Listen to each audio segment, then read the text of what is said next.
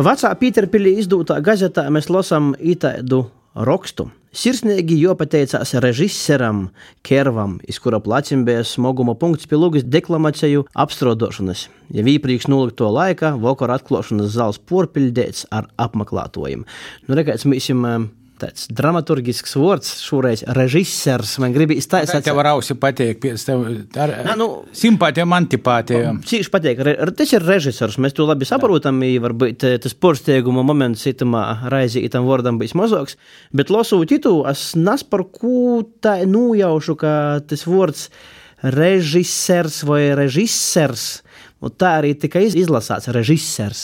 Nu, smuki, tā ir kaut kādā tādā franciskā manīra izaklausos režisors.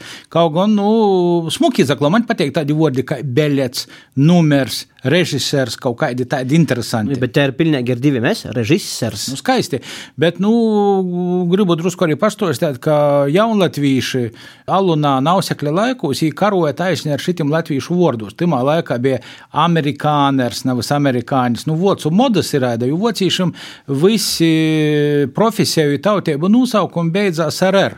Piemēram, nu, tad viņi gribēja visu pamainīt, tie jaunatvīšu viena no galvenajām prasībām bija vociskos R beigas pamainīt iz latviskom, nevis amerikāners, bet amerikānis. Kā tu domā, kas ir tišlers?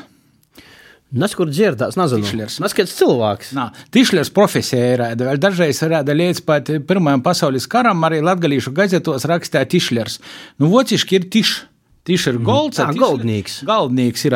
Nu, ir piemēram, tāda rakstīts Tišlers, ka 1861. gadā Leiksnis pils nūdaga par to, ka augšējā tovā divi tišļeri kartes spēlē un pēpēti spēlēja.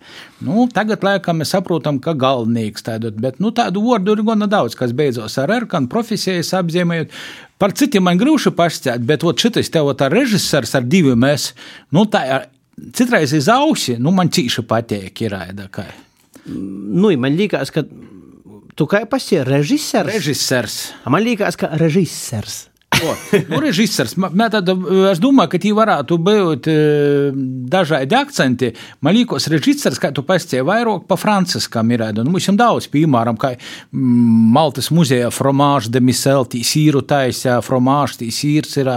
Nu, man vispār patīk franciski vārdi ir, kas ir īgoši arī latgaļā, daudz tādu ir, tī sakvojašu, piemēram, tev arī ir sakvojašu. Jā, da, nu, vispār par franču valodu runājot, um, man gaidājās lasēt piemēram, satversmes sapulces vēlēšanu rezultātus, tāds vēstures olūcija, tīri interesanti, ka tas ir uh, latviski un franciski portulkots. Tad rodas jautājums, par ko franciski, par to, ka franču valoda toreiz bija nozīmīgāka par angļu valodu. Bija nozīmīgāka, ja skaitās posta valoda. Pirmīs, kas ir franču valodas statusu pirms simts gadiem īdeve, ka bija starptautisko posta savienība, ja bija franču izveidota visā pasaulē, lai pasniekiem runot, bija franču valoda. Nav tikai tā, kā tagad angļu valoda, bet nes kā franču drusku nulaidīja savas valodas pozīcijas. Nu, nuzalaidās. Mēs eh, varam ne to vēsturi salūta patiesībā sacinot daudz ko, ka režisors liela tāda franču valodas ietekme. Mēs varam saprast, ka latgalīši Pīterpili nozadarboja ar teātra uzvedumu veidošanu, kam bija vajadzīgi režisori.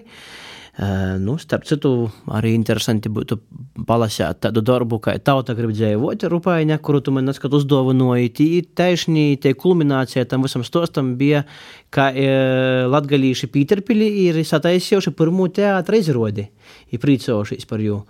Nu, tam tā izrodē noteikti arī bija režisors